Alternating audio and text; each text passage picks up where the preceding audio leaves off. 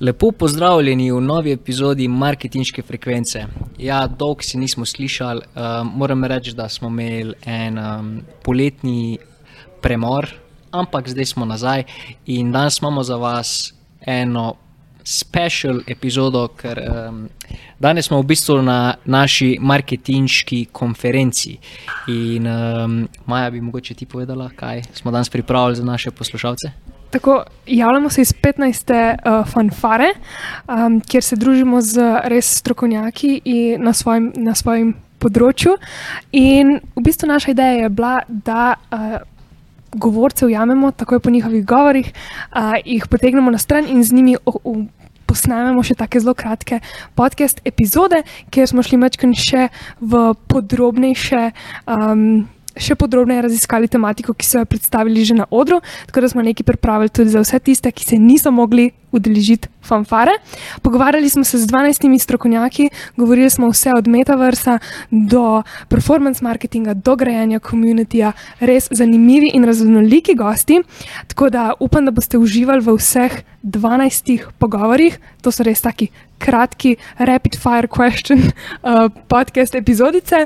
Um, Vodili smo jih pa kdo? Uh,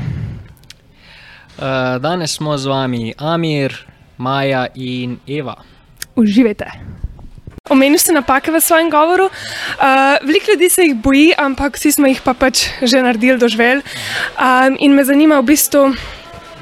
Katera je bila na zadnja napaka, iz katerih si se ti karjerno največ naučil, pa mogoče to osebnostno zelo veliko zrastel? Zdaj, v bistvu, jaz vsak dan delam napake, oziroma vsak teden delam napake, sprot. Zdaj, poanta pri napakah, če ti lahko povem, prej bom povedal, katera je bila, kaj moram res razmisliti, je to, da um, je treba transparentno komunicirati. Mi napak ne povemo. To je nekaj, če se sramujemo, ne damo ven iz sebe. In ko ne damo ven iz sebe, v bistvu izgubimo momentum, ki bi v bistvu poganjal naš premik naprej. Ne? Ker kaj se zgodi, če, ti, če nekdo zve za tvojo napako in ti reče, da je to bilo pa narobe, kako koli že, to zaboli. In iz tukaj ven rata tiste energije, za katero ti rabiš, to, da lahko nariš nek premik in obrat. Zdaj napake, ki sem jih naredil, tako kot sem rekel, sprotih delam. Mogoče zadnja napaka, ki je bila, da nisem zaznal stiske nekoga, s katerim delamo v eni transformaciji, ki bi jo mogel zaznati. In, uh, in sem jo zaznal kasneje. Um, kar je sicer tako, mogo bi biti malo, mal, ne vem, um, fizično z osebo prisoten, sem bil bolj online, kar se tega tiče, ampak mogoče je bila napaka, da je mogoče prej odreagiral um, na neko reakcijo oziroma neko situacijo, ki se je zgodila, ki je potrebovala moje posredovanje, pa mogoče sem prepozno opazil. Um, tudi izven pravil. Zdaj bom, bom šel kar tako po točkah. v zadnji slajd se mi zdi, ko sem izgori gledala, sem videla, da ga je zelo veliko uh, udeležencev slikan, slikalo, tako da uh, očitno je pomemben bil. Tako da izven pravil, uh, kdaj si šel ti na zadnje izven pravil? Vsakič. Vsakič, ampak to zdaj govorimo o pravilih tako, jaz, ne, da, da govorimo o kršitvah, ki se morajo zgoditi. Ampak ča, pravila so narejena zato, da hodiš po robu. Ne, se pravi, da razumeš, kje je rob. Zdaj, status quo, ki ga nekako imamo, omejujejo ravno pravila. Pravi, pravila dajo nek kvadrat, v katerem se ti gibaš, načeloma in si znotraj nekih pravil. Ampak v bistvu svet se dogaja in inovacije in vse se dogaja na drugi strani tega kvadrata. Kar meni, da moraš biti vedno malo ven iz pravil. In jaz vedno, kadar prijemo kamorkoli, rečem, okay, ok, kaj je zdaj najbolj normalno. Ja, pri nas delamo tako, ok, super, delate tako, to je odlično. Spravi, gremo pogledati, kako se naj ne bi smelo delati. Mogoče tam se skriva un zaklad ali pa neka nemogoča stvar, ki jo lahko narediš. Tako da vedno je treba malo pogledati, okay, to so pravila, ampak kaj pa na kakšen način pa lahko drugače delamo. Predvsem v etabliranih procesih, v načinu, kako postavljamo kampanjo, v načinu, recimo, vem, kdo je naša target populacija. Mogoče je populacija, čisto na drugi, pa ga nikoli ne dotaknemo. Kaj pa je ena stvar, ki si jo danes naredil izven pravil? Izven pravil danes. Oh, sem danes ne vem, kje sem pravil. Mogoče nisem smel pokazati parih slajdov, zato sem prosil, da se ne snemajo stvari. Sem, sem zelo intimno delil uh, določene slide, ki se delijo samo na zelo zaprtih. Um, tako da unke zamudo fanfarom. Tu let. ok, še zadnje. Um, pač tema eh, fanfare je ne mogoče. In kaj je ena stvar, ki si jo dosegel, pa se ti je mogoče pred kratkim ali pa tako, ne vem, v zadnjem času zdela, uh, ali pa tako nasplošno, ne mogoče, pa si jo vsem dosegel. Um, odvedno sem si želel biti gozdar in kmet. Okay? In uh, se mi je zdelo nemogoče. V poslu, v katerem delam, oziroma to, kar počnem, je bilo nemogoče, da bi bil sred Ljubljana gozdar in kmet. Okay?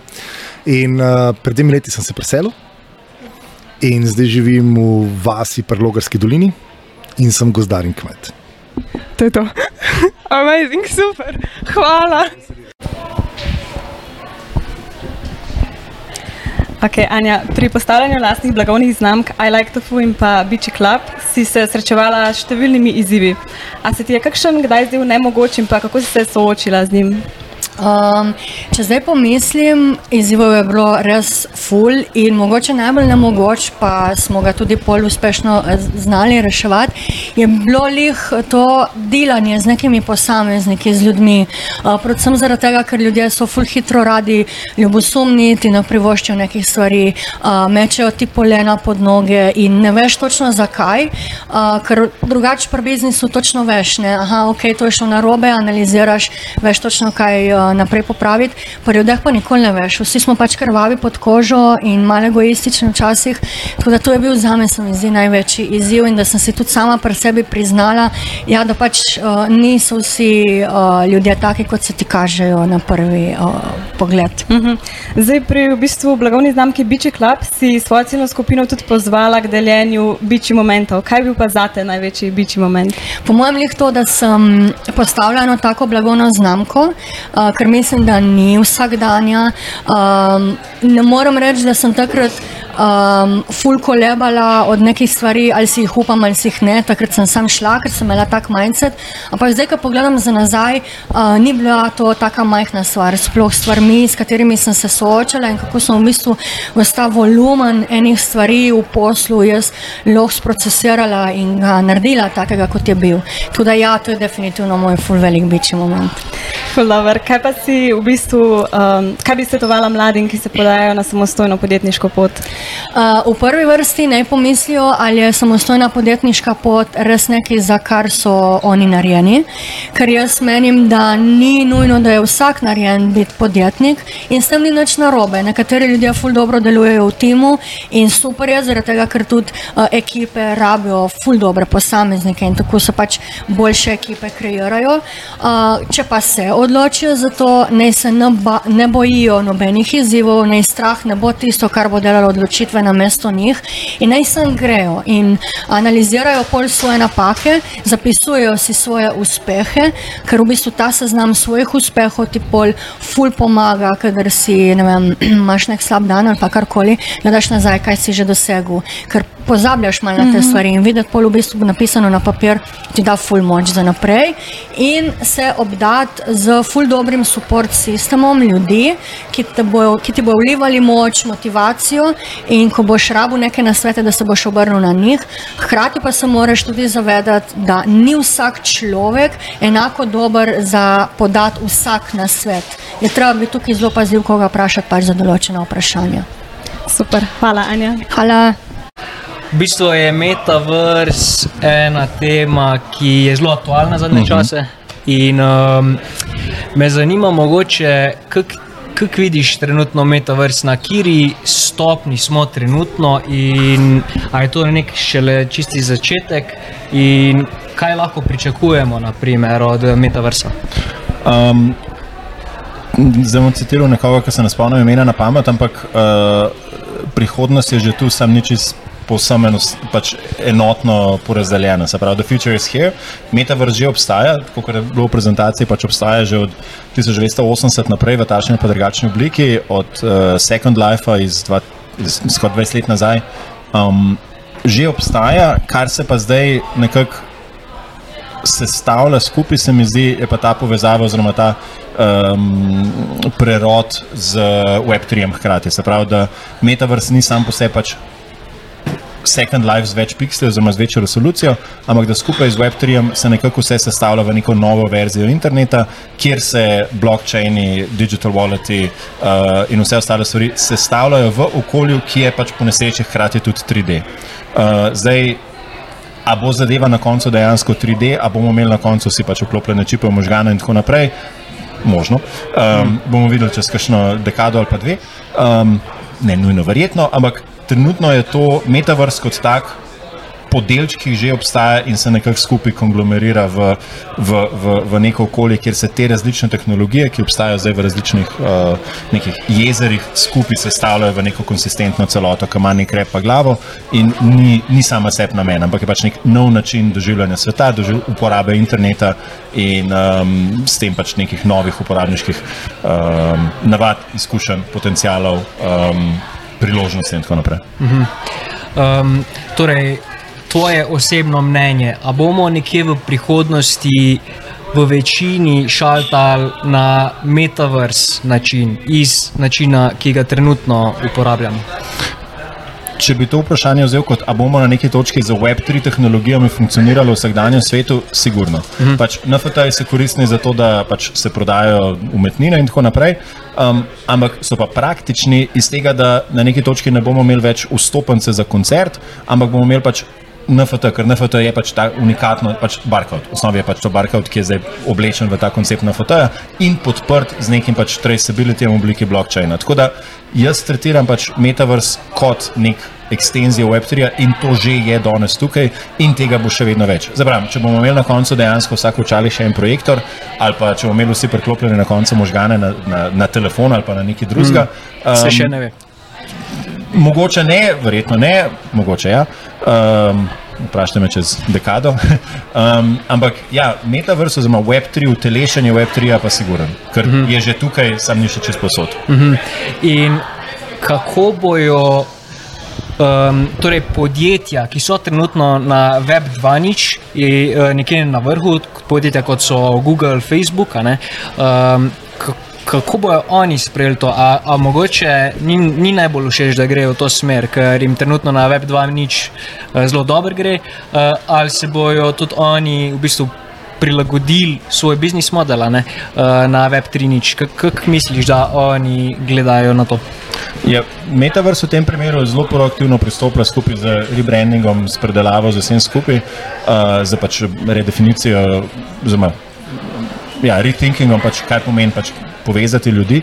Um, in so se pač zelo konkretno in zelo proaktivno, in, in ko se teh večjih organizacij tiče, mogoče pač ahead of the curve, lotili neke pač celostne prilagoditve nekim novim pač poslovnim modelom, tehnologijam, načinom. Um, ostali pa pač, siguren.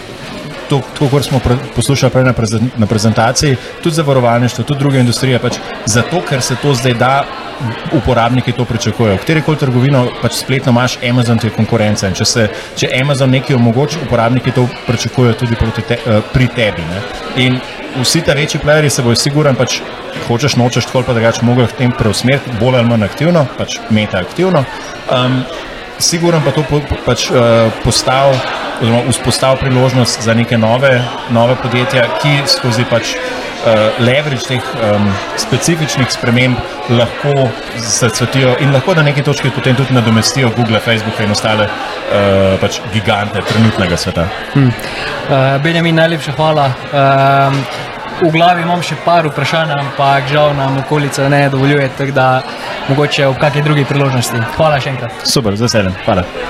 Uh, okay, prva ena stvar, ki mi je zelo padla. Um, ki mi je bila zelo zanimiva, ker ste vsi govorili o Merkatorju, pa o tem prestrukturiranju in vse tako je pač moč, ki ga ima um, analiza podatkov in mhm. analiza na splošno.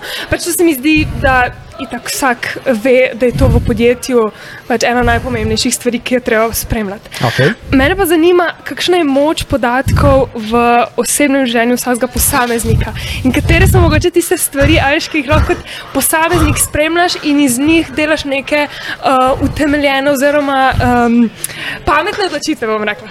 Okay, um...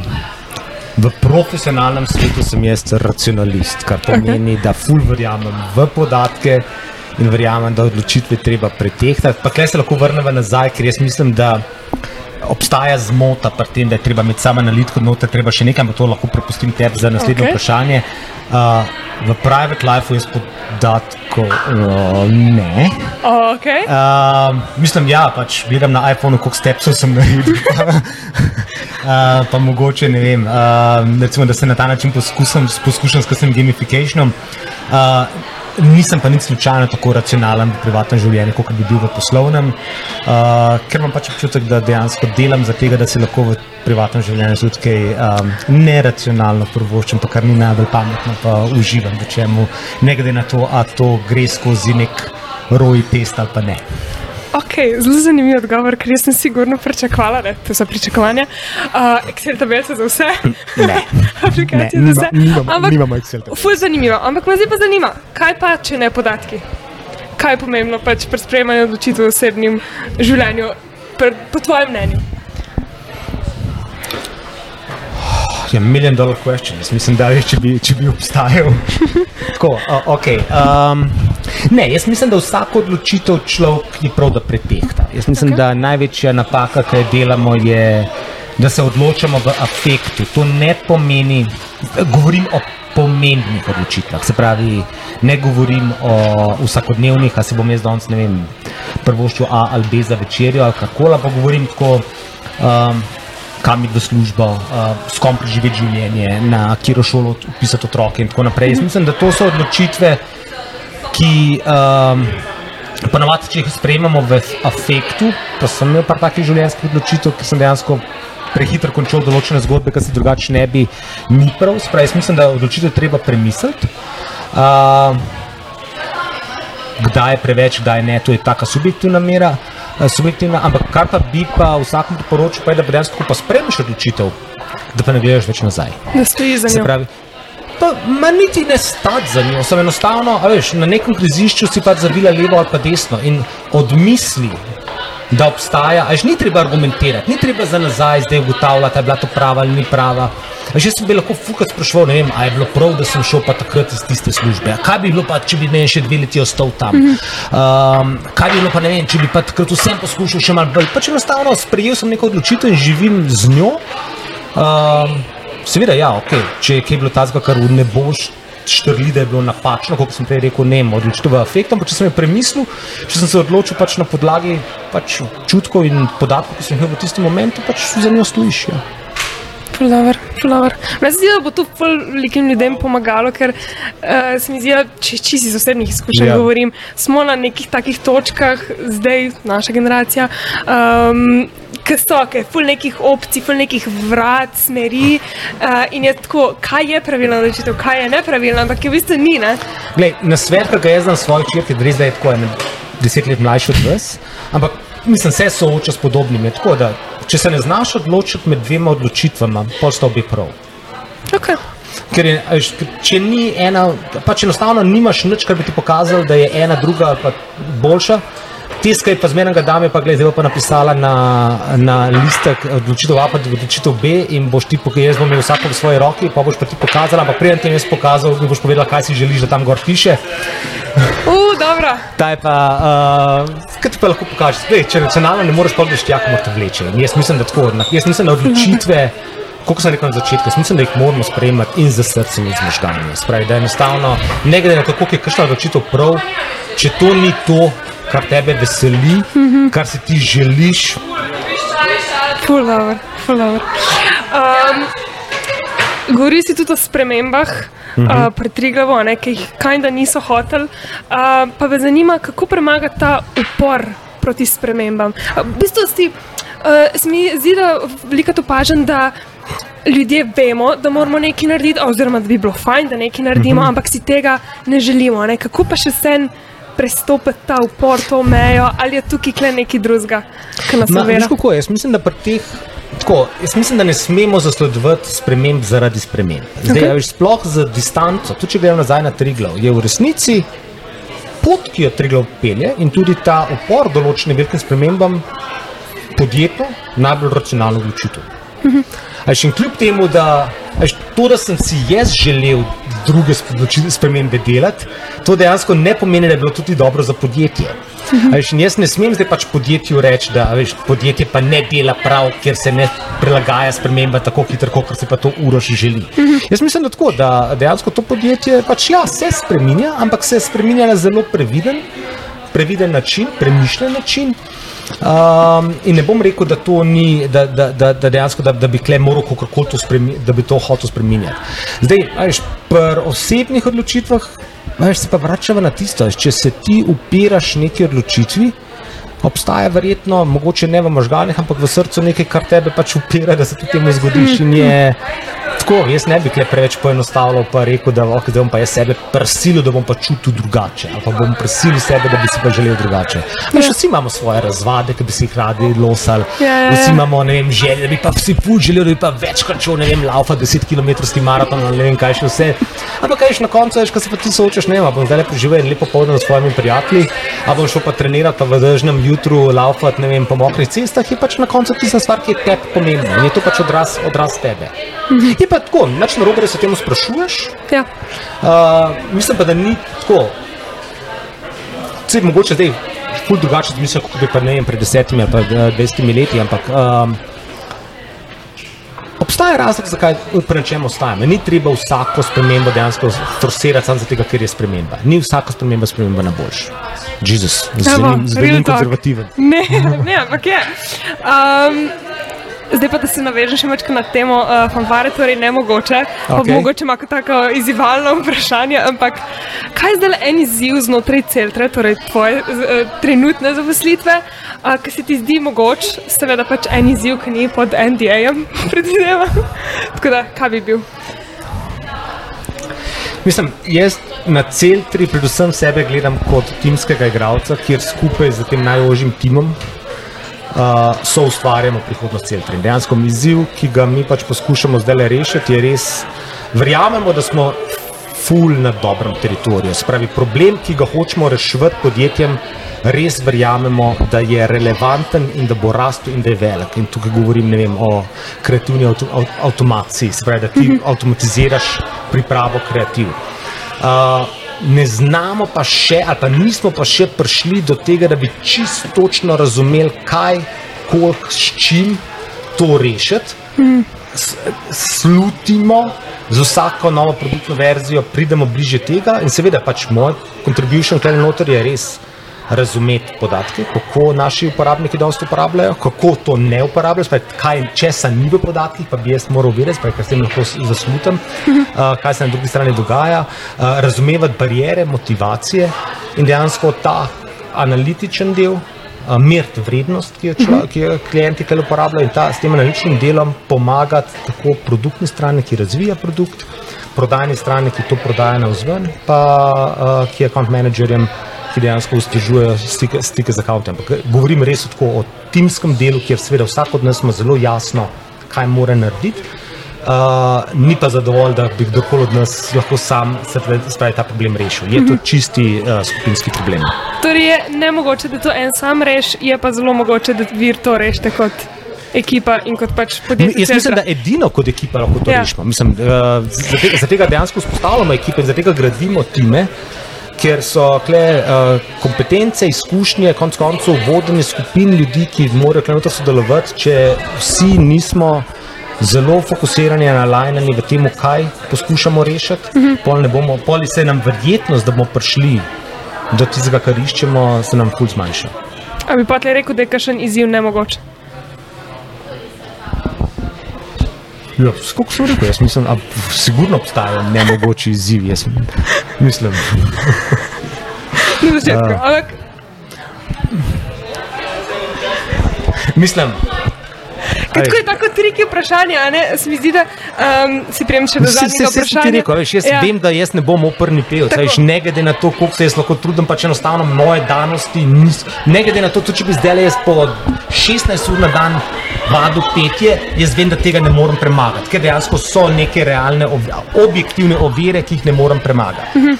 Um, V podjetniškem svetu je to mogoče manj jasno začrtano, ker v podjetniškem svetu dejansko vse se lahko, vse, vse la, vs, nobena pot ni dejansko vnaprej začrtana in dejansko, dejansko omejena. Uh, jaz mislim, da kar je nemogoče, je dejansko nemogoče je uh, doseči cilja, če ne, če ne alajnaš celotne ekipe, ki na njemu dela. Spravi ta timski del. Jaz mislim, da tukaj upa ali pa upati, da, se, da boš ti prišel do cilja, uh, ne pa dejansko uložil vs- vso energijo, ki je potrebna, da ta cilj najdeš, da, bo, da bo cilj najdel tebe, to jaz mislim, da je nemogoče. Okay. Fular. Zdaj pa še zadnje vprašanje za TikTok. Uh, kaj je ena stvar, ki se ti je še pred kratkim, ali pa no, mogoče ne tako pred kratkim, zdelo nemogoče, ampak si jo vseeno dosegel? Lahko karkoli. Ja, jaz mislim to, da delam v startupovskem podjetju z eh, ekipo, ki je pomlajša od mene. Um, Sploh Ful po tistem, kaj, ja, sploh, zelo ful sploh po tistem, ko me je podjetje zavrnilo, se je tako zdela res nemogoče. Ja. Ampak, um, ja, glej, um, Odlično. polno izzivov, ne bom rekel, da je enostavno. Um, je pa, me, me, me pa nav, navdaja z energijo in dejansko z elanom, da, da premagujem vsakodnevne izzive. tako top, top, top. Ja, mene pa zanima, kako v bistvu uh, spreminjati večletna oziroma več deslet, desetletna prepričanja uporabnikov o spremenjenem pozicioniranju blagovne znamke. Zdaj, jaz mislim, da prej bil Donald predvsem skoncentriran na uh, informacije o kurativi, o zaprtju, o magneziju. Se pravi, mislim, da potrošniki zelo nekaj z odprto glavo, kako se reče, temu sprejemajo vse novega, kar jim povemo. Uh -huh. Tako da v bistvu, če pogledamo po rezultatih, ki jih merimo s potrošniki ali pa dejansko na trgu, vidimo, da so zelo pozitivno sprejete nove informacije, ki jih prejemajo. Se pravi, uh -huh. mi ne samo oglašujemo, mi educiramo ljudi. Um, in ta edukacija preko Guided Health programov, preko člankov, preko dodatnih informacij, ki jih damo, mislim, da so zelo zelo dobro um, sprejete, ker v bistvu mi še vedno smo. Kar smo bili, se pravi, še vedno smo kurative za zaprtje um, in za zgago, ampak um, mi samo zaveščamo, kaj vse smo še zraven. Se pravi, ne brišemo, kar je bilo, ne brišemo zgodovine. V tako bistvu bomo rekli. dodajate in Dodajamo, sprejmate tako. še več novih potrošnikov. Tako, tako. Odlično. Pa, pa uh, me v bistvu zanima, koliko časa vam je vzel ta projekt repozicioniranja Donata in pa kater korak se vam je mogoče zdel tak nemogoč. Zdaj, celotna strategija, uh, mislim, da je vzela približno eno leto intenzivnega dela, predvsem naše izvršne direktorice in direktorice marketinga. Um, Oni sta bile, bom rekel, glavne pri snovanju in vizionarskem. Um, tako da vse skupaj, pa seveda je bila cela ekipa vključena, no je bil enoletni proces.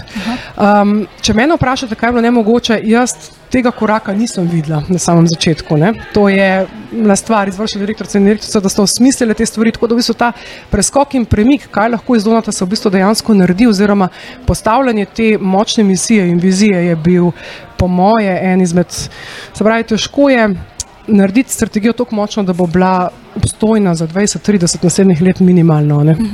Um, sicer pa je bilo veliko dela, ampak nič tazga, to je v marketingu tako. Pravi, veliko testiranj, veliko preverjanj, veliko pravilnih in nepravilnih odgovorov. In no, se je treba dobro še vsem s tem soočati. Ne, Seveda, seveda. Tako da Potem- prepričati upravo, da smo na pravi Tako. smeri, so pa rezultati pokazali. Tako, Tako, da kar hitro. Ja. Pa, če vas smem vprašati, še kaj je bila za vas taka stvar v življenju, da se vam je zdela nemogoča, pa da se je vseeno uspela zelo uspešno prebroditi? To je pa težko vprašanje. Ogromno, v bistvu vsak korak je bil zelo ambiciozen.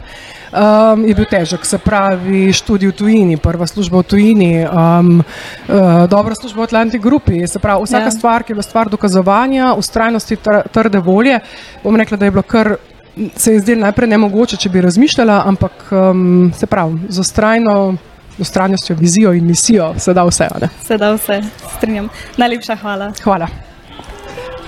Uh, v bistvu omenil si v svoji predstavitvi en term, ki sem ga prvi slišal, mogoče si ga celo ti inventu. Uh, brand performance. Ja, nisem Uh, ga inventil, Ah, okay, okay. Ja. ne, uh, že z prejšnjih enih konferenc um, sem tako opazil za par termov, ki um, so skozi zanimivi za marketing in me zanima, mm. no, tako, če bi lahko mal uh, povedal, ka, Ja. kaj si mislil z brand performance. Ja, v bistvu pač dejansko, kot sem rekel, v zadnjih letu, dveh letih je dejansko ful šlo v, ta, v to smer, ne, da se v bistvu ta switch dela iz performansa, da se v bistvu integrira zraven z brandingom, se pravi, da podjetja dejansko na začetku rasti, delajo ful v bistvu na direct responsu, na direktni prodaji, kako dejansko čim bolj mer rezultate, kako čim več prodati, pa v bistvu enemu stageu pa dejansko podjetja začnejo delati ta brand performance, ker je pa v bistvu povezava z brandingom in pa performancem. In v tej fazi se običajno pač naredi, da se full v bistvu upgrade dejansko content, ki ga kažemo, se pravi na spletni strani, na oglasih, na e-mailu, na organiku noter, se pravi, da v bistvu malo bolj proper gre, ampak ne uno full ne bi ti rekel tako, veš, televizijska produkcija ali pa kaj noter, ampak da je dejansko ti se eno umestno med tem, uh, ok, s telefonom bomo slikali pa snemali, pa to, da imaš dejansko en organiziran šuting. Tako da je. A, a to mis, je mišljeno tudi na oglasih? Ja. Ali bolj organi, tudi oglasih? Tudi v glasih, Aha. ja. tudi v glasih, organik, mail, pa spletno stran. A bi pol priporočil, v bistvu, da se vsi oglasi podobno delajo, torej da se prek dizajna prepozna brand. Ne veš, kaj ni fora, da toliko vse delaš, da moraš prepoznati brand, ampak v bistvu da je kvaliteti dejansko samih vsebin, da je uno full wow. Tudi če niso zdaj uno direktno, ok, vse so iste barve, pa to, ne, noter, ampak sam da vidiš, ok, pač ta brand oziroma ta. Um, podjetje pač res da nekaj na to, da stvar zgleda, ne pa mm. na uporabniško izkušnjo. ne. To je lahko tudi ne vem, kako je packaging narejen, kako je post-purchase experience narejen, kaj pošljejo prek maila, če kakšen letak dejansko zraven. ne. In zdi se mi, da kad dejansko zdaj prodajaš ne, stvari, si greš ful v bistvu v dve smeri. Ena smer je dejansko v to, da kupuješ pač direktno spletne trgovine. A In hočeš pač en tak unique experience, ali pa kupuješ full affordable, ki boš pa najverjetneje kupil na kakšnem marketplaceu. Kaj, a ne. In ti greš v bistvu kle na tiste kupce, ki hočejo experience, ne tiste, ki so price sensitive. Mm, the best. Um, glede, torej, ful veliko podjetij se sooča z rastjo cen oglaševanja. Ja. Mogoče, če se fokusiramo zdaj na Facebook. Ja. Kaj bi ti predlagal podjetjem, ki se soočajo s tem? Dejansko revizitati, kje je problema. Ne? Zato, ker dejstvo je, da oglaševalski prostor se bo vedno dražil. ne. In edin med COVID-om je bil bilo, ne? ja, ja, ki je bilo in pač takrat je ful podjetja so zrasla. In jaz bi pač rekel tukaj, da podjetje mora revizitati, pač kak, kaj v bistvu prodaja, pod kakšnim oferjem, kakšna je poprečna vrednost nakupa, ker možnost je, da pač oblikuje drugačno ponudbo za nove kupce, ne pa gre, ne vem, če je prej prodajala stvari za 30 evrov, naredi en bundle, pa proba prodajati ne, za 50 evrov, pa mm, pol okej. tudi več lufta za marketing, ne, ker tukaj se mi zdi, da je ful pomembno, da gledaš, kaj se v bistvu v razvitih trgih dogaja, na razvitih trgih dogaja, a ne. ker tam recimo je average order value, recimo, da lahko prodajaš, ne, nekje ne vem, med 70 do 120 evrov, medtem ko v naših državah smo ful navajeni, da ne vem, 30, 40, a ne. in to je v bistvu sam korak, da je treba revizitati, kaj prodajaš, če so to cenejši produkti, bundle narediti, mogoče kakšno produktno kategorijo tudi odpreti, da je lahko dražje prodajaš na frontendu, na drugi strani pa v bistvu tudi gledati, kako lahko enemu kupcu večkrat prodam. Ker veliko je bilo tako, da pač ti iščeš samo en nakup in iz enega nakupa si profitabilen, na drugi strani pa. Okay. Na drugi strani pa dejansko ti iščeš to, da v bistvu najprej prvi nakup dobiš, potem pa v bistvu kako boš drugi, tretji, četrti nakup. ne. Ker večja je lojalnost stranke, večja imaš pa vsakim nakupom tudi profitabilnost.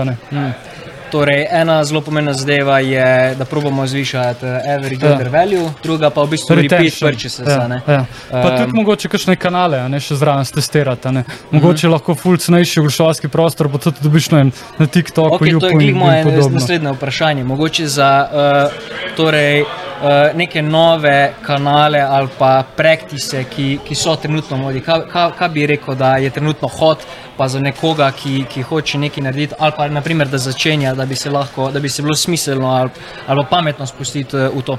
Ja, jaz, če tako, pa če ni zaplačljivo oglaševanje, definitivno pač na začetku bi probil pač organik, bi probil YouTube, pa TikTok, definitivno delati, a ne, zato ker tam je v bistvu dosti organik riča, lahko dejansko dobiš iz tega.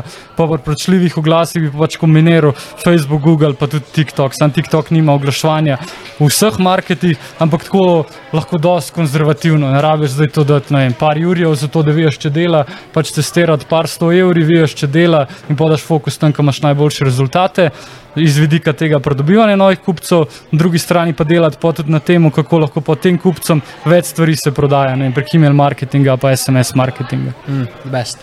Um, za konec še eno vprašanje. Um, ki, mislim, tako, na predavanju si povedal eno zelo zanimivo stvar. Torej, rekel si, da si, da, da si failil že 60 projektov. Ja, pa še več. Em, Mogoče sem se zlagal, pa sem premalo rekel. Ja. Na drugi strani pa si omenil, da si v zadnjih dveh letih spravil en brand do 100 mil. Ja. Um, torej, kaj, kaj je tisto, kar, kar v bistvu um, te žene naprej, oziroma da, da, ne, odneš, da, da ne odnehaš po vseh teh Ja. fejlih? Fuck. Škoda, opportunity po moje, pa meni je to res tako dobro delati. Vse tako večino časa stvari uno gorijo, narobe je, ne gre, ampak pol dejansko, ko najdeš ene stvari, ki delajo, te tisti pač potegne gor nerealno. a Ne? In pač tistih 5%, ki podiraš rekorde, ki je zakon noter, ti pač dejansko daje, ki je en adrenalin, zato da pol dejansko greš naprej. ne. Zdaj smo recimo glih. Dele, prejšnji vikend smo podarili daily record, ki smo ga imeli prej 20 ur produktov v enem dnevu prodanih, zdaj smo imeli 26. a ne. In to je spet en boost za celo ekipo. Zdi se mi, da je to, da v bistvu greš vsakeč čez tiste ene rekorde, ki si jih dosegel, ne, pa da vidiš, kako jih dosežeš, pa ful se naučiš res zraven. To se mi zdi tista stvar, ki mene dejansko driva pač naprej, da vidiš, o oh, fuk, pač kva se da vse narediti. Mm. Uh, in kaj misliš, da se da vse narediti tako? Kje si čez pet let? Ne vem, star. Res ne vem. Torej, v bistvu nimaš nekih zastavljenih ciljev, ne. ampak eh, kar se zgodi, torej maksimum, kar lahko narediš. Ja, v bistvu pač kot just chasing the next win, veš pač mm. ko, kako je, do, do ste, ene cilje si postaviš noter, ampak stvari se full hitro spreminjajo. Še posebej v digitalu. Ja, v digitalu se full hitro spreminjajo. In Če bi me zdaj že v začetku tega leta vprašal, kva bo konc leta, pa če bi me zdaj vprašal, noter bi čist drugače rekel. a ne. Mhm. In sem full tako, pač vidim tako ene opportunity, v kjer smer, ampak tako. Ne to, kar veš specifično, tu je cilj noter, ampak kjer erijo bi šel. Tako, Mhm. A je to mislim, misliš digital? Ja, ali- digitalu pač mm. mene ful vleče tako down the road, ne vem, v roku petih, desetih let, da bi v bistvu pač znotraj digitala, e-commerce, SaaS biznisov, pa to, da bi tudi lahko še šel v te investicijske vode, ne, da bi dejansko lahko tudi investil v stvari, pa jim Mhm. pomagal pač ustav, ustvarjati ne stvari. The best Jure, hvala ti za Ja, z veseljem. Uh, Fuleni dobrih informacij, pa upam, da bomo še na kakšni fanfari skupaj skuhali. Super. Za začetek bi vas vprašala, no, kaj je v bistvu najpomembnejše pri razvoju inovativne ideje, oziroma katere so tiste ključne točke pri njenem razvoju. Mhm. Kar ponovadi najprej pozabimo pri razvoju novega produkta ali pa storitve, je, da v resnici razvijamo za nekoga drugega, ne pa zase. Tako da izločiti ta element, kaj meni všeč, pa kaj meni paše, pa kaj jaz mislim, da bi drugi rabili, pa kaj jaz mislim, da bo drugim koristil, tega se, se rešiti in začeti Mhm. delati to ne kot hobi projekt, ampak kot dejanski produkt za nekoga, ki mu mora rešiti nek realni problem, ki ga v življenju ima. In potem posledično raziskovati ljudi, razumeti, zakaj ljudje delajo, kar delajo, in tisto, kar na koncu je najpomembnejše in najdlje časa traja, testirati, testirati in testirati. Torej, da se v bistvu osredotočimo na stranko. Na stranko, tako specifično stranko ali pa eno ciljno skupino, uh -huh. ki imamo, ki ima neke skupne značilnosti, lahko temu segment rečemo, lahko rečemo tržna niša in dejansko za njih nekaj narediti. tako. Um, a bi lahko v bistvu z nami delili pet napak, uh, ki jih delajo podjetniki pri pogovoru oziroma intervjuju s svojimi strankami? Aha, uh, točno pet. Lahko tudi manj. Um, ja, teh napak je predvsem. Recimo, najpomembnejša je, da se pogovarjajo o željah, namesto da bi se pogovarjali o preteklih izkušnjah. Mhm. Skratka, najboljši prediktor našega prihodnega obnašanja je naše preteklo obnašanje, ne pa naše želje v prihodnosti. Ne. Jaz si lahko dam veliko novoletnih zobljub, ampak to še ne pomeni, da bom jaz dejansko tako ravnal naslednjem Tako letu. Ne. Tako da to je prva napaka, da se preveč posvečamo prihodnosti, pa željam, premalo pa dejanskim, konkretnim, nedavnim ravnanjem te osebe iz čim bolj nedavne preteklosti. To je prva napaka. Druga napaka je, da premalo gremo v globino. Premalo zakaj, kako pa to, povej mi kaj več, mi lahko prosim razložiš. Prehitro smo zadovoljni z nekim površinskim podatkom. Recimo, tak tipičen je, ljudem je pomembna kvaliteta izdelka. Kaj je zdaj to ta kvaliteta? Ne, Kaj jim to predstavlja v bistvu? ne? Tako, ne, ker za nekoga kvalitetna restauracija lahko ima čisto neke druge kriterije, kot jih ima en drug. Ne, kaj za me kvalitetna hrana je lahko čisto drugo, kot je zate. Ne. Ti Seveda. lahko sodiš kvalitetno hrano po sestavinah, jaz pa po poreklu. Ne, in in, je- in imamo čisto drugačne kriterije za kvaliteto. Tako da drugo, druga napaka, ki delamo, je, da gremo pejmo stran od teh splošnih opredelitev, pa pejmo do specifičnih opredelitev. No, pravi, vedno globoko vrtati, zakaj in ostati na eni temi, pa tisto razumeti, ne pa 20 stvari površinsko, ker s tem nimamo kaj. Okay. V bistvu tukaj govorimo o zelo globokem um, razumevanju. Tako rečeš, malo stvari pa ti dobro razumeti, Mhm. mm -hmm. skozi zgodbe, skozi neka konkretna ravnanja, skozi neke izkušnje, ki jih človek ima, kot pa razumeti, ali- oziroma ne razumeti, vedeti za neke želje.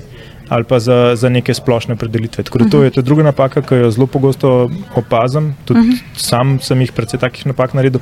Tretja je pa, da um, enostavno razumemo, ko smo z, z enim najboljšim prijateljem, prijateljico, ko greš na kavo, da pač se je treba poskrbeti, da se oseba, če hočeš vedeti, kaj se je danes dogajalo, se mora udobno počutiti. Se mora počutiti sprejeto, mora razumeti, da te res zanima, uh, mora imeti ta občutek. No, in da to pozabimo. Recimo. Sploh, ko pridemo do nekoga z spiskom vprašanj, pa človek vidi, da mi v resnici bolj ne kljukamo nek, nek, uh, nek obrazec. Uh -huh. Se ne bo počutil, da nas v resnici zanima to, kar ga mi sprašujemo. Uh -huh. Tako da, da je ta občutek, da nas to, kar ga sprašujemo, res zanima, um, je, je tretja stvar. Tako da tega tudi pogosto vidim, da ne, sete, če nekdo na čopovi vstal, pa te nekaj vpraša z neko kamero ti v glavo, da se nimaš občutka, da te Tako da je. ga v resnici nekaj zanima, ampak da hoče sekunde za televizijo. Ne. Ja, gre v bistvu za njegovo zanimanje, ne, ne pa za Tako, naše. Tako je. Tako da, drugo je ta, da ti, ko nekoga sprašuješ, moraš res dati občutek, da te zanima in ljudje bodo pripravljeni povedati bistveno več, kot se mi upamo vprašati v takem primeru. To se mi je že neštetokrat zgodilo, da so mi zaupali zgodbe, za katere sem prepričan, da jih svojim prijateljem niso povedali. Ampak to samo zato, ker sem imel občutek, da me res zanima, drugi pa tega občutka ne dobijo. Tako je. In takrat bodo verjetno tudi veliko bolj iskreni in se bodo bolj odprli. ne. Tako, tako je. Ne, tretja stvar, ki jo pogosto delamo, je četrta stvar, smo, četrta napaka je, da se ne upamo vprašati stvari. Ampak dejstvo je tukaj, kar smo spet na terenu neštetokrat videli, da ljudje so pripravljeni povedati bistveno več, kot se mi upamo vprašati. In da če česa nismo zvedeli, je problem ponovadi v tem, da nismo vprašali ali pa znali vprašati ali pa na prav način vprašali. Kot pa da bi bil problem to, da imajo ljudje kakšne zadržke ali pa tabuje, ali pa da česa se ne upa povedati. Mi smo delali raziskave, kjer smo se pogovarjali o temah, kot so erotika, in ljudje so nam zaupali ogromno stvari, stvari, ki jih svojim prijateljem niso povedali. Uh, Ja. zato, ker smo se mi te stvari upali vprašati in pa seveda upoštevali še vse tisto, kar sem v prvih treh uh, točkah povedal. Ne. V bistvu je najboljše, da se pač ne bojimo vprašati, ampak čim Tako. več vprašamo, ne moramo s tem nič izgubiti, lahko sam zelo veliko pridobimo. Tako, tako. In če na prav način vprašamo, jaz praktično nisem videl primera, ko bi kdo se zaprl ali ko bi kdo uh -huh. bil žaljen ali kakšne probleme. Mhm. Vedno bi tega obstaja način. Ne? Tako, tako, vedno obstaja način. Ja. Super. Katera ideja, eh, ki ste jo v bistvu na koncu uresničili, pa se vam je zdela v bistvu najbolj taka nemogoča, da ni v bistvu izvedljiva? Da se je na začetku Aha. v bistvu taka zdela, pa ste jo vseeno uspeli izvesti. Pa vse je šlo skozi. Um, hm. da bi, tako da bi naprej razmišljal, da se kaj ne da, tega jaz ponovadi ne počnem. No. Jaz, um, ampak ta recimo. Greste v bistvu že s tako namero. Ne, jaz tako gledam, ne, ra- razlika ponovadi med tistim, ki, razlika tukaj ni kdo, koliko ima idej, ampak razlika je v tem, koliko stvari, ki jih ti srečaš, se jih lotaš. Uh -huh. ne, vsak izmed nas gleda televizijo, pa gor neki vid, kaj ima v Ameriki, pa si razmišljal, kako bi bilo to fajn, če bi tudi pri nas. Sam razlika med tistim, ki razmišlja o tem, pa razlika med tistim, ki pa to naredi. Uh -huh. Se pravi, ki poskrbi, da pa neki tazga tudi k nam pride. Ne. Tako da Ja. jaz veliko stvari, ki sem jih delal, sem v resnici delal tako, da sem nekje nekaj videl, ne vem, na Discovery Channel gledal oddajo o, ne, oddajo o nečem, pa sem rekel, "U, to bi bilo pa čisto uh -huh. fajn, če bi mi to imeli, pa ni bilo, pa sem jaz to pol uvozil ali pa zrihtal ali pa naredil. Izvedel, ali ja, pa, ja, ja. pač nekaj naredil, da smo to dobili. Ne? In pa ugotoviš, da je to lahko zanimivo, mogoče še za koga drugega in spontano zelo rad iz tega nek posel. In da ne. je mogoče. Tako ne. ampak taka najbolj nemogoče je bila, sem en živilski produkt imel, za katerega se mi je zgodilo to, da so mi ga v Evropi prepovedali prodajati. In pol je bila bolj sreča, kot kaj drugega, da smo v resnici uh, lahko se skupaj v Ameriko preselili in tam se pa smeli prodajati. Aha. Tako da smo pol imeli en živilski produkt, ki smo ga v Ameriki prodajali. No, tam tisti recimo je bila taka zgodba, ki sem najbolj se vmes že skoraj vrgel v puško v koruzo. No, Mečkano ustavo, ampak ste vseeno Tako uspeli je, speljati tako, ampak smo na koncu imeli malo sreče, malo pameti, pa smo vsem pol speljali. no. Super, odlično. Najlepša hvala. Z veseljem, hvala. Živi učiteljica Ana. Živijo. okay. um, tale uh, pogovor bo pač sem kot nek. Um, Rekla, extension pogovora, ki si ga že opravila na okay. fanfari, pa oziroma imam ene par osebnih vprašanj, eh, oziroma takih vprašanj, ki so meni tako bile, o, jaz se hočem to vprašati. Okay, Tako da, um, za začetek, a si si kdaj ti mislila, da boš prišla v ta svet uh, marketinga, social media in vsega tega, teh stvari? Uh, um, v bistvu, ja. Uh, okay. ja. Um, vedela sem, da me take stvari zanimajo, da mi je zabavno ustvarjati, biti kreativna in pač sem v bistvu vedno vedela, da me nekaj takega v prihodnosti čaka. Nisem sicer vedela, da točno to, kjer sem zdaj, ne, na točno tak način, kot zdaj delam, ampak sem vedela in tudi želela sem si pač delati v tej smeri, torej ustvarjati, um, biti uh, pred kamero Okej. to. A pa si vedela, da bo tu social media in, ok, za TikTok največ nismo mogla vedeti, ampak si vedela, da bo tu nek svet interneta. Aha, da bo svet Ker omenila interneta. si Ne. gledališče Ja, v ja, ja, aha, aha. ja, ne, ne, tako da bo prav neka scena social media in to, to ne. To ne, okay. um, na TikToku imaš pač ti, oziroma ta največ večina folka pozna uh -huh. uh, pod likom učiteljice. Kakšen ti vidiš, da so prednosti tega, da imaš znotraj svojega ustvarjanja vsebine na TikToku nek lik? A veš, da Mhm. nisi ti kot Ana, ampak da si pač nek lik. Um, zelo lažje ustvarjaš vsebino, uh Mhm. -huh. če imaš nek lik, v katerega se res uživiš in razmišljaš skozi oči lika. Um, jaz sem lik učiteljice upodobila. Oziroma, pomagala sem si tako, da sem dejansko spremljala, gledala učiteljice, uh -huh. kako se obnašajo, Okay. um, in v bistvu pač njih uh, imitirala na TikToku. In potem pač sem v bistvu samo znotraj tega ustvarjala, in veliko lažje je tudi bilo potem delati um, kakšne brand dide, um, ker pa sem vedela, ok, učiteljica in če imam zdaj tam neke trenerko, pajkice, aha, učiteljica športne, nek športni dan, a veš, kratko, Ja, ful ja. hitro sem, lažje sem dobila ideje, pa tudi pač ko se recimo po ulici sprehajam, ali pa ne vem, ko sem tako na kakem partiju, pridajo do mene in rečejo, ti si pa tista učiteljica. a ne." Um, in tudi tak, na tak način sem, me ljudje poznajo, no. Vloge učiteljice. A pa ti je bilo kdaj, mogoče na začetku, tako nelagodno, ali pa si imela kakšne take blokade do določenih stvari pri ustvarjanju vsebine na TikToku? Mm, Kakšen komfort zone ali pa kaj tasga, k- da nisi mogla več tako olauti, da bi tako osebno te kaj zadržalo nazaj. Na začetku me je zelo zadrževal moj naglas. Okay, zanimivo. Ko čist, čist v štartu nisem, si, nisem hotela govoriti na videih, uh -huh. ker pač sem bila tako, o, koroščina, to se tako glupo sliši, um, na živce mi gre moj glas. Okay. Tako res sem imela odpor do tega in potem sem pač samo začela, začela, začela in sem se nekako navadila in zdaj mi je čist. In si se navadila ti in si se navadila tudi vsi drugi. Tako, tako. In pol je bilo še bolj zabavno, ker recimo lahko rečem, da je bil, bila koroščina pač nek moj insecurity ne, okay. na TikToku. Recimo, ne. In so potem to drugi izpostavili in pohvalili, torej, o, kako dobro, nekdo si upa pač v narečju govoriti, mm -hmm. uh, tega fulni na TikToku. Jaz sem tudi korošč, recimo, ne, take stvari. Tako da to. A se ti zdi, da si pol prek ustvarjanja vsebine, prek TikToka in vsega, tudi tako osebnostno zrasla, tvoj karakter, Ja. tvoj vem, samozavest? Ja, definitivno, definitivno. Zato, ker pač sem v bistvu ugotovila, kaj sem zmožna, kaj lahko dejansko ustvarim, da sem iz nule to ustvarila, pač, kjer sem zdaj, ne, zdaj, sem recimo na fanfari. Uh. um, eno tako bolj uh, weird vprašanje. Okej, ampak super. Mogoče pa komu pride prav. Um, res tako neumno. Okej, super, se veselim. kako bi ti svoj job opisala mami ali pa babici? A to, kar. Torej, um, Ana, kaj ti počneš? Ja, ne, če jaz malo snemam videe, pa to objavim. Um, in potem še malo se pogovarjam z ljudmi, drugače pa tudi za ne vem, kakšne, a veš, bica znamke, recimo ne vem, A1. a veš, to so telefoni. Res? Ja, pa če recimo vodim uh, profil, pa sem social media manager, to pa pomeni, da jaz snemam druge Opa, in ustvarjam vsebine za druge. ti pa nisi kar tako. Mogoče, da bi na tak način, ampak moja pica tega ne bi A si, a si razumela. drugače dobila, drugače dobila kakšno tako vprašanje od koga, pač, tako samo je bil tako, ne razumem, ka- kako lahko ti to počneš in od tega služiš in od tega si. Ja, ogromno, valjda. Pa se požvižgaš na tiste, ali si tako, let me explain. Ne, sem tako, let me explain. A ne. Ja, ja, pač valjda povem, um, na kak način deluje, kje sem, um, kako sem se vsega pač začela, kako sem začela ne, Mhm. ustvarjati. Um, tako da, ja, valjda razložim. Sploh, če je interes, če je pa to pač bolj tako, uh, kaj ti delaš, pa sem sam tek, ja, to mi je job. Ja, ja, ja. zaznaš, kdo bi rad krajš, pa kdo Ja, tako, tako. Okay, super. Še čisto zadnje vprašanje uh, v zvezi s fanfaro. Kaj je ena stvar, ki se ti je še pred kratkim ali pa enkrat pač zdela nemogoča, pa si jo zdaj dosegla? Um, zdaj bom dala pa jaz tak butast odgovor. Dej.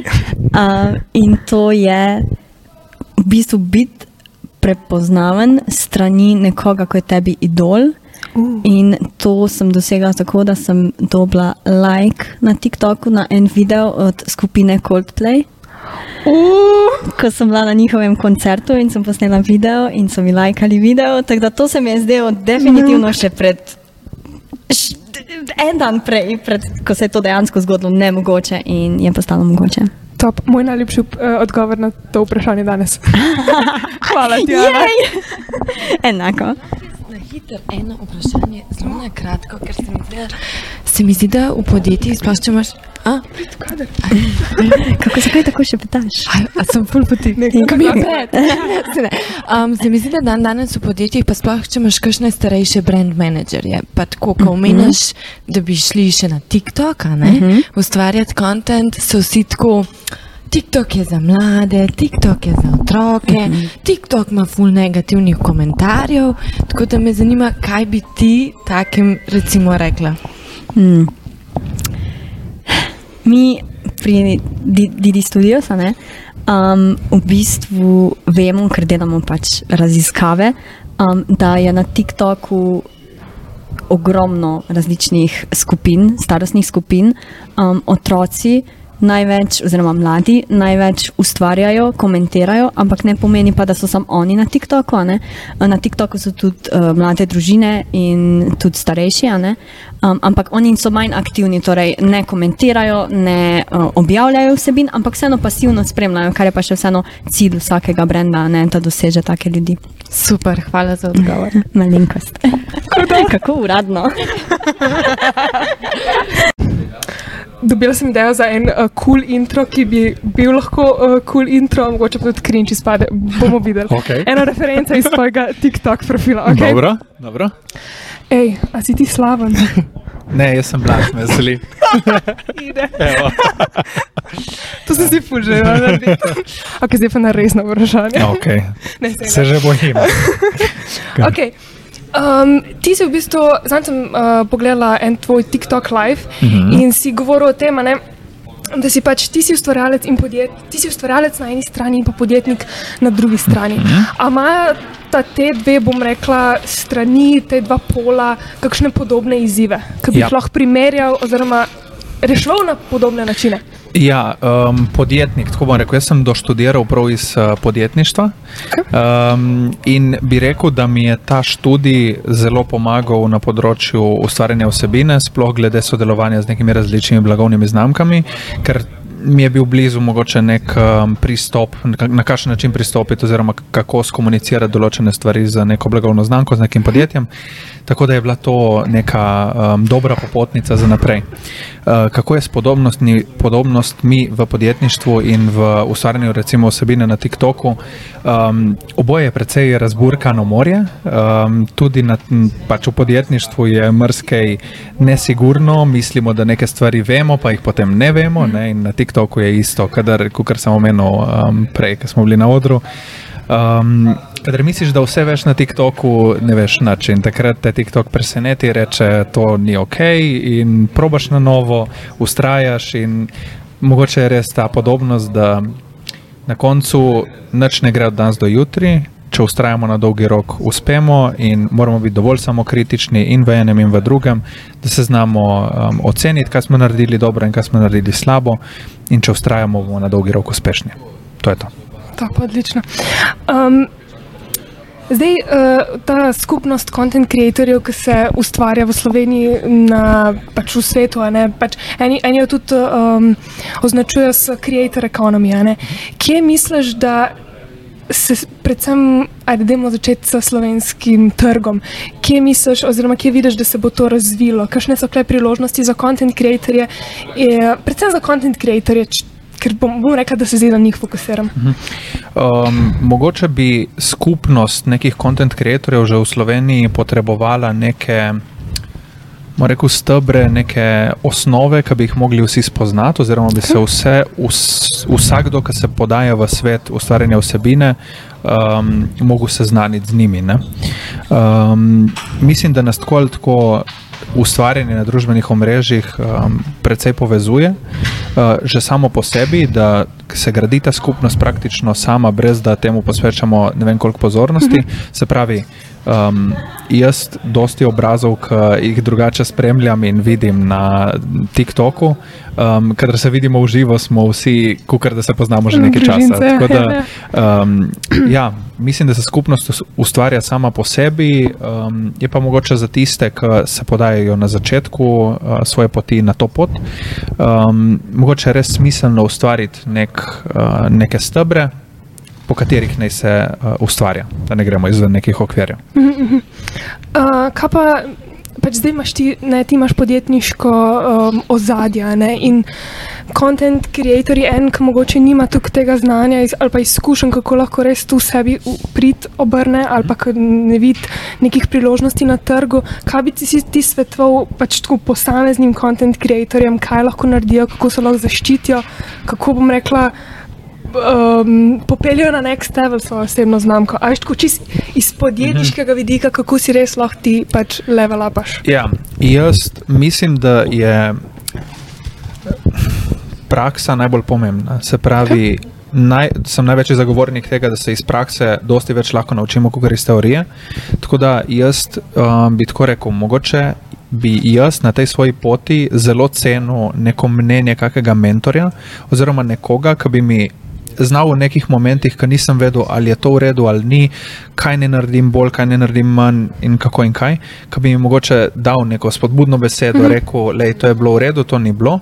Um, tako da mogoče bi rekel, ja.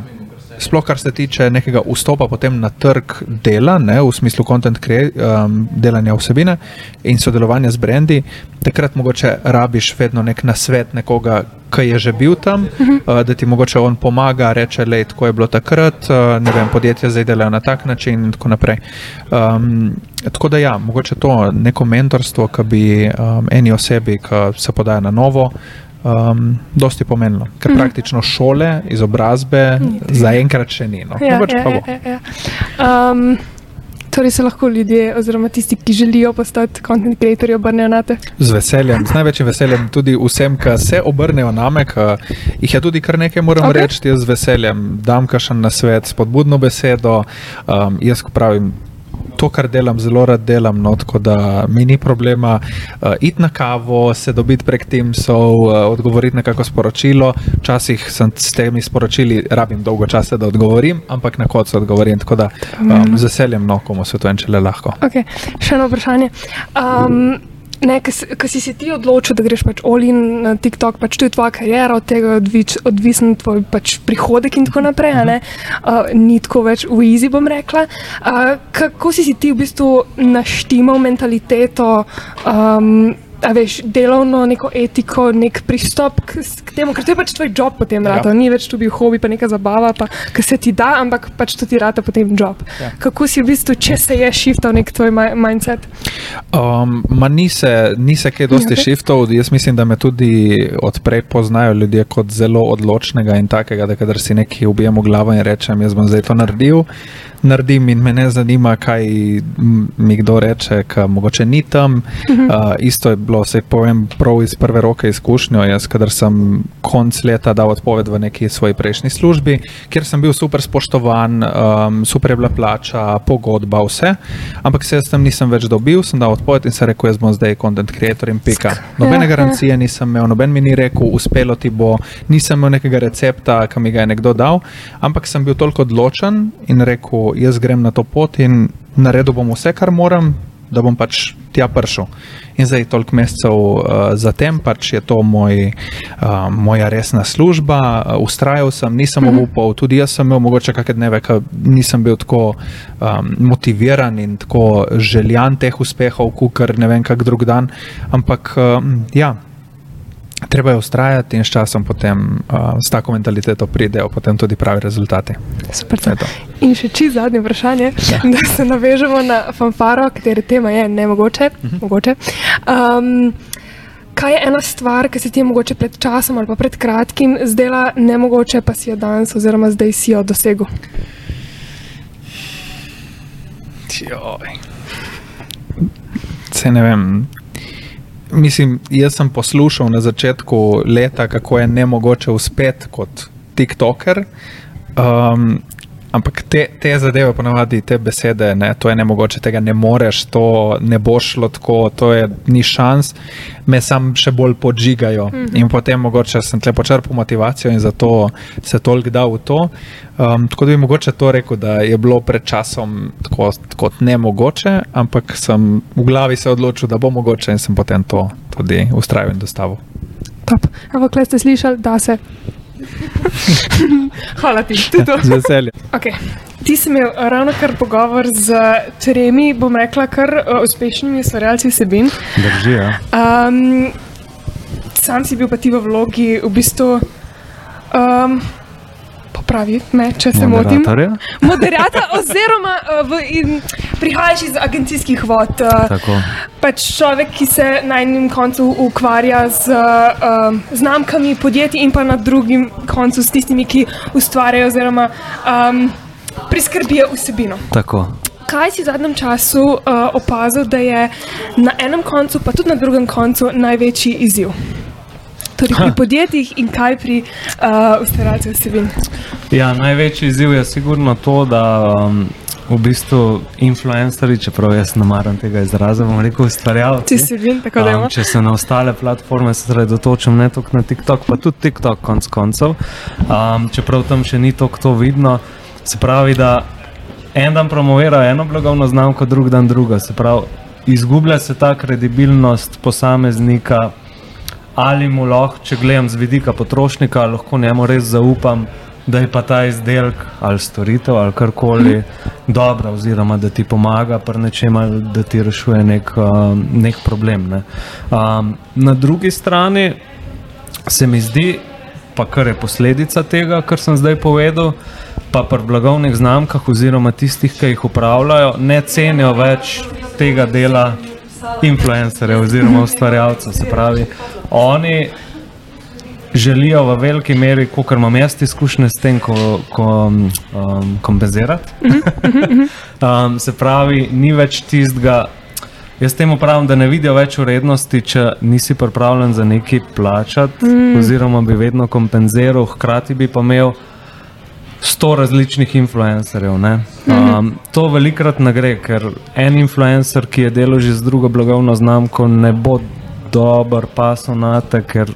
Kot sem rekel, ne bo kredibilno izpadel, uh -huh. oziroma se ne bo s tvojo blagovno znamko tako dobro povezal.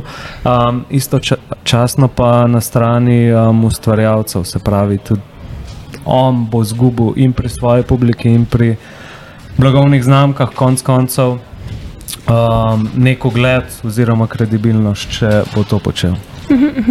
Kako pa plavate v, bom rekla, morju vseh teh uh, nemogočih in mogočih izzivov, um, pač kot agencija? Ne? Ker jaz, kar sem zdaj še posebej uh, v tem hitrem, spremenjujočem se svet, svetu mm. -hmm. TikToka, sem opazila, da pač.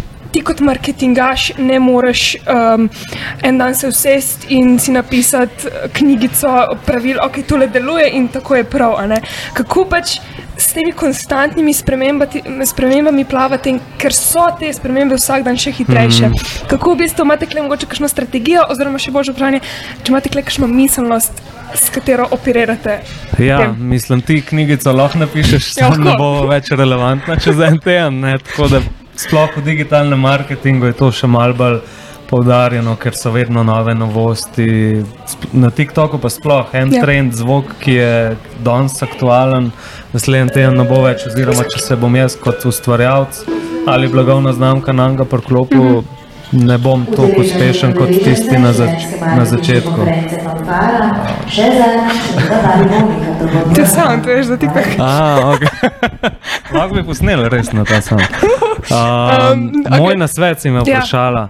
Um, Ali pa moj kako se vi spopadate s tem? Ne? Mi čist konkretno, recimo izobraževanja stalna, um, konc koncev tudi naša ekipa delna je bila na fanfari, pa potem je to? globalne konference, um, tudi interno ogromno izobraževanja um, pripravljamo, se pravi, če vemo, da je nekdo strokovnjak. Na LinkedInu bom imel za celo ekipo predavanje za LinkedIn, nekdo za TikTok, za celo um, ekipo za TikTok. Um, sploh tisti, ki delajo s tem omrežjem, se pravi, ni cela ekipa vsebinskega marketinga pri nas ekspert za TikTok, ampak vsi vejo to, da znajo se pogovarjati z naročnikom in da znajo komunicirati, se pravi, z um, influencerji in z blagovno znamko na eni strani. Um, tako da sigurno to je stalno izobraževanje, branje, podcasti. Ker edin tako lahko papaš v digitalnem marketingu, se mi zdi. No. Se točno to. Um, predvidevam, da imaš TikTok. Imam pa nisem aktiven. Imam v planu, ful imam um, shranjenih videov. Kaj moram posneti, ko grem kam potvati in imam ful že posnet, ampak nimam pa objavljen. Evo, Okej, Priznam, okej. priznam. Si bomo dali en osebni izjiv, iz tiste draft folder se dal v objavljeno. Ja, moram. Um, drugače, okay, moje vprašanje, mislim, da boš vse lahko um, odgovoril. Um, kdo po tvojem mnenju tako na svetovni sceni, pa potem še posebej v Sloveniji, raztura na TikToku, oziroma koga rad spremljaš? Elviksa. Um, jaz se spomnim, ko smo bili, um, enkrat se je pri nas oglasil, čistko na klepetu. Um, pa potem smo zadnjič snemali skupaj za en projekt. Um, mislim, meni je on res pristan kot, kot človek, on je pa Ja. vsebitev tega, kar TikTok je. Tako da jaz ga rad spremljam, imam švarci konc koncev, vse te naše fante in punce. Um, kar se tujine tiče, um, bom rekel, da zelo spremljam en band Crash Adams. Um, ki sta TikTok izkoristila za zelo dobro promocijo samega sebe, svoje glasbe. In združila, bom rekel, glasbo in neke skeče, oziroma ja, skeče lahko rečem. Um, na ulicah New Yorka, Toronta in ostalih A, mestih promovirala pred ostalimi ljudmi pa svojo glasbo, s tem, da sta na začetku najprej Fauž zapela, ne? Aha, ja, okej, in okej. pa pač kul izpade, res tako. In mislim, da ima ta že par milijonov sledilcev, pa po par deset milijonov ogledov. Upam da- da, upam, da je to moj telefon in TikTok slišal in da bom dobila na prvi page kot Lej, Zdaj bomo videli, ali to res ali ne, ne, če ne snema. okay, še čisto zadnje vprašanje, pa da se navežem na v bistvu temo celotne fa- fanfare. Kaj je ena stvar, ki se ti je mogoče še pred kratkim zdela nemogoča, pa si je še vsem dosegel? Na temo TikToka. Ali Karkoli, splošno. live. Uh, Nič ni nemogoče. Jaz potem um, bom rekel, vodilu živim že celo življenje. Uh Mhm. -huh. Bom pa priznal, da se mi je lik zadnjicam um, za LinkedIn en post pisal in se spomnim, ko sem še na faks hodil. Okay. Um, jaz sem na ekonomsko hodil in sem šel tam če, um, čez Bežegrad, je bila ena agencija gor, ne, Mhm. steklene pisarne imela in jaz sem vedno govoril. Ja, jaz bom pa tako enkrat imel eno agencijo, mogoče ne take pisarne, ampak bom imel tako en je tak creative space, kjer bomo z ekipco ustvarjali. To je bilo deset let nazaj, že skoraj. Ja. Um, in danes lahko rečem, v bistvu, da sem to, seveda, s pomočjo partnerjev, pa ekipe dosegel. No. In je full tak ful, fulfilling občutek, ko bom rekel. V eni točki manifestiraš, si ne želiš, ampak dejansko si rečeš, da bom imel to čez deset ali kakorkoli let, pa um, to vidiš v praksi, oziroma na tvojem Je. yeah. primeru, kako ti je uspelo. Tako da nič ni nemogoče. No? Res. Odlično, take odgovore rabimo. Ej, ful ti hvala. Hvala. Jaz sem tukaj ful vprašanj. Okay. Okay, ampak se znam. Um, v glavnem, jaz sem verjela, da pač danes te bom tukaj le sprašvala. In sem čez vikend, ko smo bili vem, pač z družino, s prijatelji in tako naprej, pa sem pač jaz videla, pa se ne hecam tako. Skoraj vsaka druga oseba, ki jo poznam, ima nekaj od svoje. In sem tako, ok, pa me zdaj samo vprašala, zakaj ti je to tako kul cool nositi? Pač, uh, kaj je tisto, pač, zaradi katerega si se odločila, uno, tretje, whatever. Um, pač, ja, ful dobre trenerke, ful dober material, ful dober občutek. Petra mi je taka faca, pač njo jaz edino sem še poslušal. In mi je tako super. In prvo vprašanje, ki se mi je posvetilo, je, a ne, ok, ti očitno ljudi privlačiš pač kot magneta, ne? ampak a misliš, da lahko podaš v, uh, odgovor na vprašanje, pač, kako zgraditi, privlačiti vse te ljudi, kako. A veš, ta komunity? Pač, najbrž so ti milijonkrat že dal vprašanje, kako zgraditi komunity. A je na to pač kle neko tako konkretno vprašanje? A, odgovor. odgovor. oj, oj, uh, mislim, jaz lahko govorim iz svojega primera. Ne? Zdaj pač odgovorov je več. Ma, mislim, mi smo ga zgradili na takšen način, da smo ustvarili zaupanje ljudi v nas, najprej v mene in potem pač v brand kasneje, ampak um, priznati napake. S tem smo mi, da pač vidijo, okay, to, je, to se bo strgalo, zato prodaja za 10 evrov. Okay, Ja. Vem, kaj dobim. Pač to je tisto zaupanje, ki se ustvari. Um, in drugo, da se ljudje znajo povezati na neki točki s tabo.